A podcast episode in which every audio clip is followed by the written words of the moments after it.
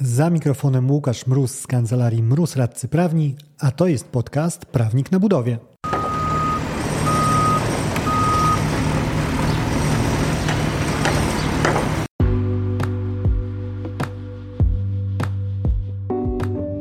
Prawnik na budowie. Podcast o wszystkim, co związane z budownictwem. Uwaga, może zawierać śladowe ilości prawa. Nazywam się Łukasz Mróz, jestem radcą prawnym i partnerem w kancelarii Mróz Radcy Prawni, w której na co dzień pomagamy firmom budowlanym sprawnie prowadzić projekty. Ten odcinek to kolejny mikropodcast, czyli krótki strzał na konkretny temat. Kolej na kolej. Inwestycje kolejowe będą w najbliższych latach sporym tortem do podziału. Ale czy ten tort się nie wykolei? Koleją rzeczy przy kumulacji inwestycji są bowiem turbulencje w ich realizacji. Z kolei budownictwo drogowe także dokłada puzzle swój do tej układanki z deklarowaną pulą przekraczającą 250 miliardów złotych na inwestycje drogowe. Czy przy rzuceniu dużej puli kontraktów ustawi się do nich kolejka wykonawców, czy raczej będziemy mieli do czynienia z kolejną sytuacją przegrzania rynku? Ale może za bardzo wybiegłem w przyszłość po kolei. Ok, to już było ostatnie słowo kolej i pochodne, które udało mi się wcisnąć w te intro. A intro do badania e, firmy Spectis i jej raportu z tegoż badania, który dotyczy e, inwestycji kolejowych w latach 2021-2026.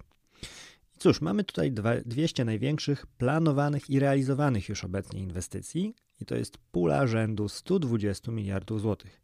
Zdecydowana większość na chwilę obecną to są jeszcze plany, przetargi, wstępne jakieś koncepcje i tam mamy 80 miliardów złotych, które no gdzieś tam się mielą, gdzieś tam czekają na popchnięcie się na rynek.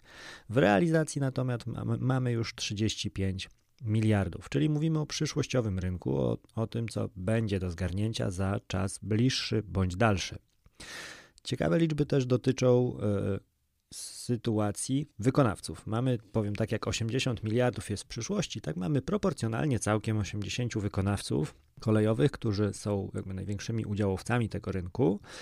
I w ich portfelu znajduje się 30 miliardów złotych rocznych przychodów, z czego 40% są to właśnie, jest to segment inwestycji kolejowych czyli znaczny y, udział w, w przychodzie mają tutaj te inwestycje kolejowe. E, jeżeli chodzi o to, na ile ten rynek jest otwarty, na ile jest rozgrywany przez tych samych graczy, no to cóż, pięciu z nich, pięć największych spółek, które realizują inwestycje, dzielą między sobą 40% rynku, czyli no nie jest to powiedzmy najwyższy wskaźnik, nie jest też e, mocno niski. E, jeżeli chodzi o samą najbliższą przyszłość, no to tutaj e, wykonawcy dzieląc się swoimi przemyśleniami troszkę się obawiają e, tego, ile przetargów zostało wypchniętych w ostatnim czasie, zestawiając to szczególnie z niedaleką przeszłością. Ponieważ na koniec 2020 w fazie przetargu mieliśmy inwestycje o wartości 3,4 miliarda złotych, kiedy w dwóch poprzednich latach no to były bardziej okolice 10-11 miliardów, więc spadek bardzo widoczny. E, tym bardziej no, warto podkreślić, że e, wręcz tendencją przy zmianie PZP, czyli przy przejściu z roku 2020 na 2021, było wypchnięcie jak największej inwestycji, jak największej liczby inwestycji przez zamawiających, aby operować dalej w, w tych dobrze znanych, dobrze ogranych realiach dotychczasowych przepisów ustawy zamówieniowej, a nie wchodzić na terra nowa e, tych nowych regulacji, które od 1 stycznia 2021 regulują e, zamówienia publiczne w Polsce. Tą obniżkę potencjału odczuło także czterech największych wykonawców, którzy działają na rynku budowlanym naszym krajowym, czyli Torpol, Budimex, ZUE, Trakcja, e, które mają w portfelu zamówienia o wartości 8 miliardów złotych, gdzie dla porównania no, w roku ubiegłym było to miliardów 10, więc znowu dostrzegalna jak najbardziej kwotowo różnica. Co do liczb jeszcze ciekawych, które e, wyłapałem z, z tekstu prezentującego efekty tego raportu przygotowanego przez Spectis, rentowność. Mamy w 2017-19 średnia rentowność na poziomie 1,3%, czyli bardzo wąski margines błędu jeżeli chodzi o prowadzenie projektu budowlanego, e, no, rodzący już spore ryzyko tego, że jeżeli pojawią się e, nieprzewidziane koszty, może się zrobić z perspektywy wykonawcy mocno nieciekawie. Ale już przechodząc w bardziej pozytywne wieści, rok 2020 to już z kolei około 4%, co jest powrotem do poziomu z lat 2013-16, czyli można powiedzieć w pewnym sensie idzie ku lepszemu. Jeżeli inwestycje kolejowe, to też musi się chyba pojawić wątek CPK. To jest nieco pieśń troszkę przyszłości jednak jeszcze na chwilę obecną, e, bo część kolejowa to rzeczywiście imponująca pula pieniędzy do rozdysponowania 90 miliardów złotych, czego połowa to jest e, na lata 2024-2027 przewidziana do wypchnięcia w rynek, a reszta gdzieś tam do mm, niemalże połowy lat 30. jeszcze będzie się toczyła. Swoją drogą ciekawe, ciekawie to brzmi, jak mówi się o latach 30., bo bardziej mi się to kojarzy z 1930, a tu już się dotaczamy do 2030 i następnych.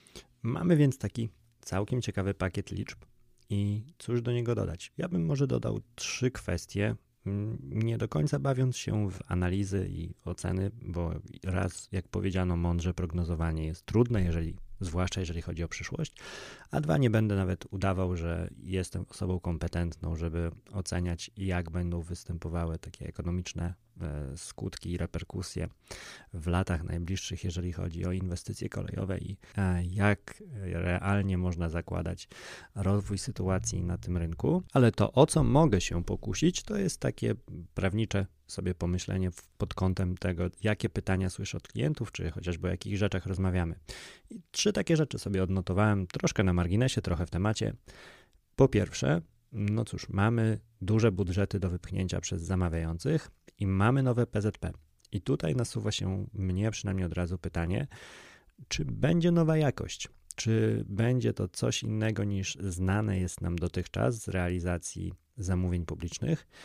I pytanie nasuwa mi się, i nasuwa mi się również odpowiedź, nie. I tutaj chciałbym zastrzec, że to nie jest jakiś defetyzm spod znaku ochci straszni zamawiający e, i tak czy z nowym, czy starym PZP będą działali tragicznie i nic z tego rynku nie będzie.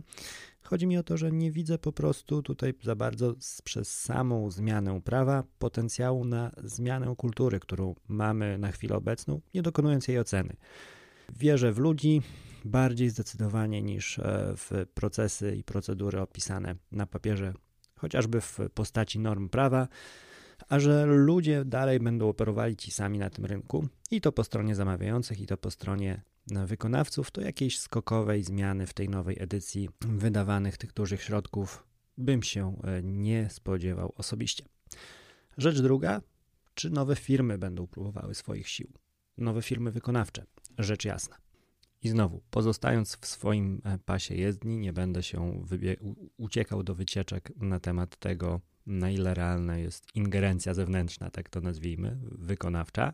E, na kontraktach e, drogowych, chociażby no, powrót państw, firm z państwa środka jest dosyć widoczny, dosyć odczuwalny, ale to, co bardziej mnie zainteresowało w kontekście rozmów z, z klientami, to jest emigracja firm podwykonawczych, które no za potencjału nie mają, żeby samodzielnie brać się za inwestycje kolejowe, ale w związku ze zmianami covidowymi mm, w krajobrazie budownictwa i w związku z tym, że w niektórych obszarach budownictwa może się skurczyć dotychczasowy pakiet zamówień, e, to mnie się już zdarzyło rozmawiać z firmami, które za bardzo no, nie powiedzmy nie, nie są kolejowcami, e, które widzą gdzieś tam wejście, powoli nieśmiałe zamoczenie palca w tej wodzie e, jako drogę do e, przetrwania, czy może nawet do rozwoju w tych post-covidowych realiach.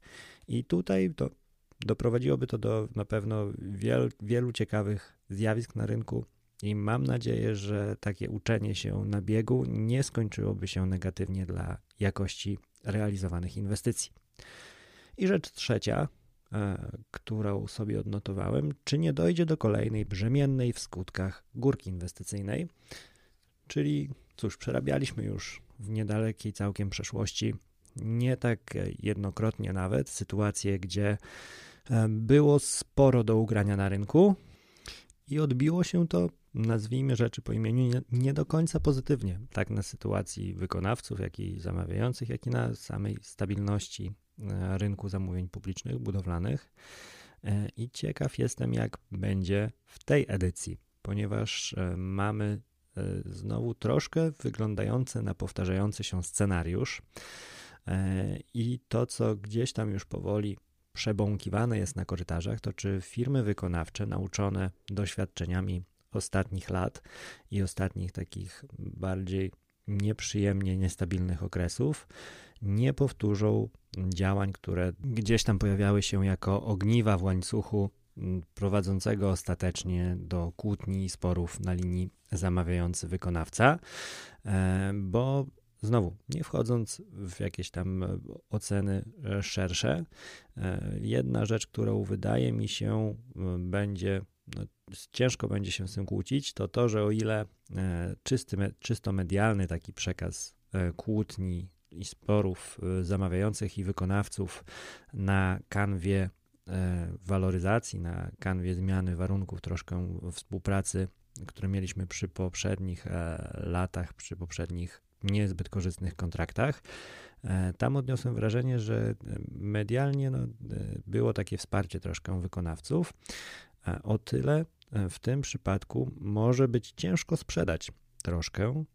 Znowu ten sam pakiet argumentów, żeby nie usłyszeć, że no ale słuchajcie, to powtarza się kolejny raz ta sytuacja. Za pierwszym razem, drugim powiedzmy, ok, mogliście rzeczywiście pewnych rzeczy nie przewidywać, mm, konsekwencji swoich działań. No ale to jest powtarzająca się historia, więc chyba czas już uderzyć w wykonawczą pierś. I to są te trzy elementy, które chciałem wrzucić w ten odcinek. Rzecz jasna, no można by ich wrzucać tutaj nieporównywalnie więcej, a jakie będą to konkretne problemy, bolączki, wątpliwości? Cóż, czas pokaże. Kolej na kolej. Dzięki za odsłuchanie tego odcinka. Chcesz się ze mną skontaktować? Na LinkedIn znajdziesz mnie wpisując w wyszukiwarce Łukasz Mróz. Na Facebooku i na Instagramie jestem dostępny jako prawnik na budowie, a klasycznie na maila możesz do mnie napisać na mrozmałpa.kancelariamroz.pl. Do usłyszenia w kolejnym odcinku. Dzięki za odsłuchanie tego odcinka. Jeżeli chcesz się ze mną skontaktować, możesz napisać na biuro małpa albo zadzwonić na 577 665 077. Znajdziesz mnie też w mediach społecznościowych. Na LinkedIn jako Łukasz Mróz, a na TikToku, Facebooku i Instagramie jako Prawnik na Budowie.